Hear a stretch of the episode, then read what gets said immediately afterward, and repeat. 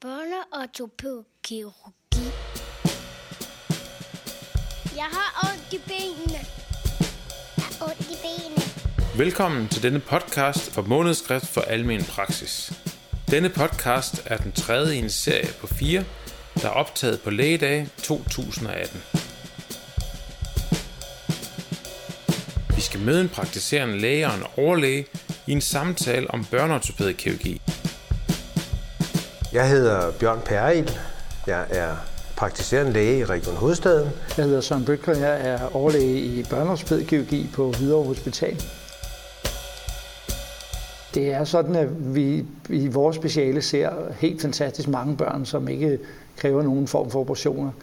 Nogle børn kræver øh, en bandage eller noget tilsvarende, men, men selve hitraten på at operere øh, er meget, meget mindre, end den er i andre specialer. Det er jo nok blevet tiltagende gennem de senere år, fordi der, vi mener, der er sådan et, der er sådan et krav fra, fra forældrenes side, at de vil have børn set af, af en speciallæge på et sygehus, mens øh, mange af de ting, som vi har, øh, også har øh, snakket om i dag, er ting, som den praktiserende læge fuldstændig lige så godt kan vejlede i, som vi kan vejlede i det. Og det ender aldrig med nogen anden behandling end den vejledning, som det drejer sig om. Kalveknæ. Juleben. Kalveknæ og juleben.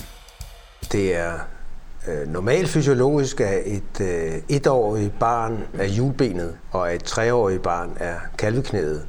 Men det er klart, at det er jo altid noget, der også får os til som praktiserende læger at tænke på, har disse børn nu fået D-vitamin som anbefalet. Så specielt hvis det er udtalt, og selvfølgelig også især hvis det er mørklødede børn, så kan det være på sin plads, at vi undersøger for, om der er D-vitamin mangel hos sådan et barn.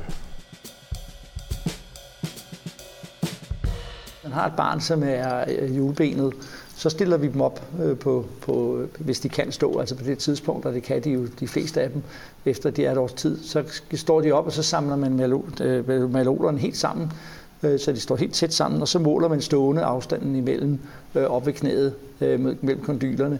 Og hvis man har, er, lidt tyk, og det er nogle af børnene, så prøver man lige at ligesom presse fedtet lidt ind, så man ligesom mærker, hvor, hvor er knoglen henne, for at få det, det bedste mål. Og hvis de er kalknede, så samler man knæene helt sammen, så man får trykket fedtet også godt. Og så måler man afstanden imellem malolerne nede ved, ved foden. Det hele handler selvfølgelig om, at man skal vide, hvor meget, øh, hvordan afstanden skal være. Og der er man nødt til at have et schema, man kan øh, gå ind og, øh, og, og kigge og plotte ind i.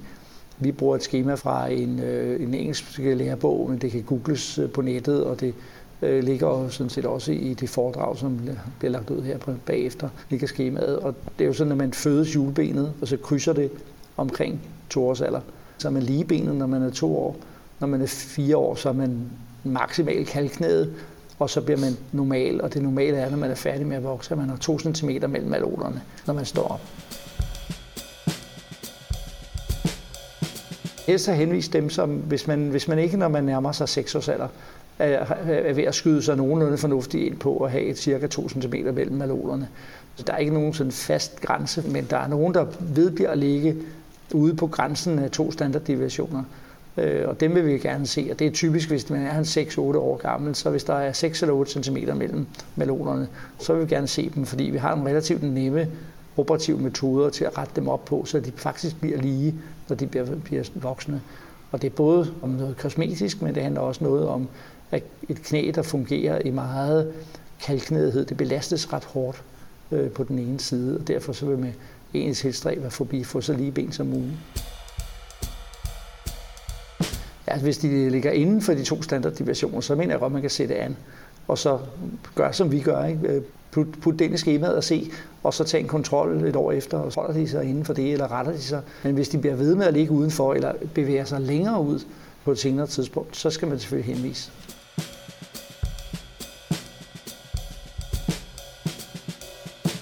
Altså når vi ser børn, der ikke er symmetrisk hjulbenet eller symmetrisk kalveknæet, så kan det være grund til, at vi henviser til specialist. Fordi normalt vil det sådan noget jo være helt symmetrisk. Normalt, når man har øh, varus og valgus over knæene, så er det også en fysiologisk tilstand, og dermed er det også symmetrisk.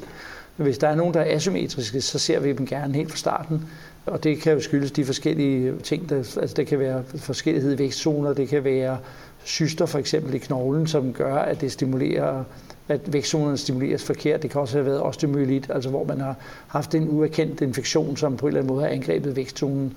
Og så kan der være rigtige malformationer, altså hvor, hvor knælet er, simpelthen er dannet, er dannet forkert. Vi bør som praktiserende læger henvise ved asymmetri, og hvis det er udtalt, og vi har undersøgt for D-vitaminmangel. Vokseværk. Vokseværk. Er jo sådan lidt en øh, eksklusionsdiagnose, når man er sikker på, at barnet ikke fejler noget andet. Der er jo ingen, der rigtig ved, hvad det er for noget. Det er hyppigt forekommende, det er ofte dobbeltsidige, og det er helt karakteristisk, at børnene aldrig halter. Hvad der er årsagen, det ved man som sagt ikke.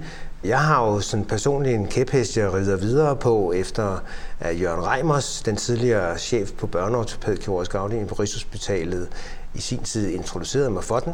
Og jeg synes, at jeg har fundet nogle rigtige ting i det, han sagde dengang, nemlig at en del af de børn, som vi siger har vokseværk, at de rent faktisk bare har stramme hasemuskler.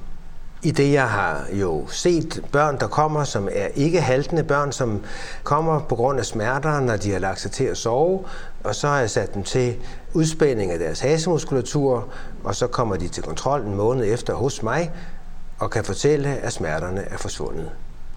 Så tænker jeg, så må der være noget rigtigt i det. en definition på sygdommen, at øh, de ikke fejler noget andet. Og derfor så går vi meget op i, at det for eksempel er tidspunktet, det opstår på, om det opstår efter, at børnene har været specielt øh, anstrengte. Der er sådan en tendens til, at hvis man har spillet meget fodbold, så har man nok mere, mere vokseværk om aftenen. Det der med, at det, det springer fra den ene side til den anden side. Så man er, hvis, hvis man har en alvorlig øh, sygdom i knoglerne, så øh, har man ondt kun på den samme side hele tiden. Vi øh, laver en grundig undersøgelse af børnene for at udelukke andre diagnoser. Øh, og hos os er det jo sådan, at når først man kommer på sygehuset, så udløser det jo tit lidt mere udredning, end det gør hos en praktiserende læge, hvor vi, vi ender tit med at tage røntgenbilleder af ekstremiteterne for at se, om der skulle være øh, andre ting, tumorer, øh, syster, øh, andre, andre årsager. Men øh, det meste af det kan vi faktisk ekskludere alene på anamnesen og sige, at det drejer sig her om vokseværk. 15-30 procent af, af samtlige børn, der har vokseværk, og det er jo typisk der med 3 og 5 år gamle, når de har det. Øh, og øh, det forsvinder, ligesom det starter pludseligt, så forsvinder det lige så pludseligt. Diagnose, som ingen rigtig ved, hvorfor er der, men, øh, men det er formentlig noget med overspænding i muskulaturen og sådan noget. Der har været teorier fremme om, at det var vækstzonerne, spænding i vækstzonerne, men øh, da vækstzonerne jo vokser, det man har vist, at man vokser mere om natten, end man gør om dagen, men man vokser jo ganske lidt. Altså det er jo, det er jo mikroskopisk, hvad man vokser om natten, øh, for ellers så vil benene jo selvfølgelig blive alt for lange. Øh, så, så, så vi har ikke nogen tro på, at det kan betyde noget. Jeg har platfod. Platfod. Det er alt overvejende vigtigt, når man kigger på børn, der har platfod, er, at man finder ud af, om de har en blød platfod, altså en ren fysiologisk tilstand, eller de har en stiv platfod, som er en helt anden sygdom, hvor øh, knoglerne i foden kan være groet sammen, og dermed er det ligesom en permanent stiv fod. Og når man har den bløde platfod, så er det sådan, at hvis man stiller sig op på tær, som man også gør, når man afvikler gang, så trækker man hælen øh, indad og danner svangbuen.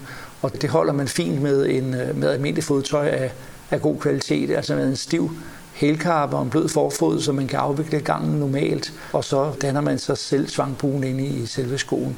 Og så har børnene egentlig ikke øh, behov for mere.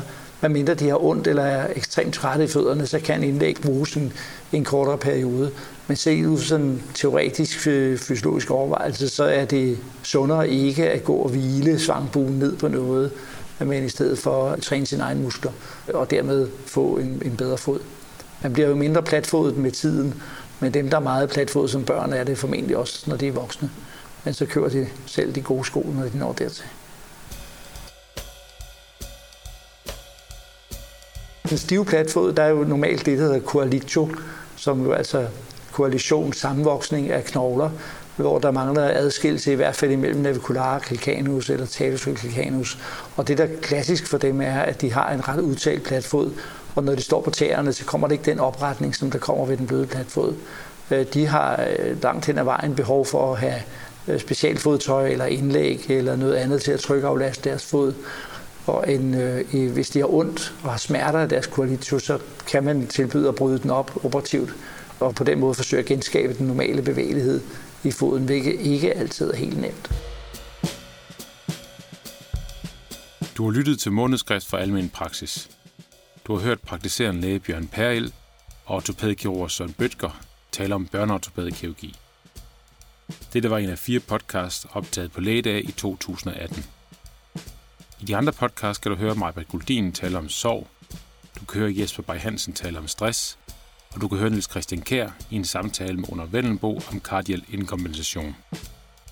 Podcasten var udarbejdet af lyddesigner Søren Ibland og undertegnet. Jeg hedder Christian Føds og er redaktør ved Månedskriftet.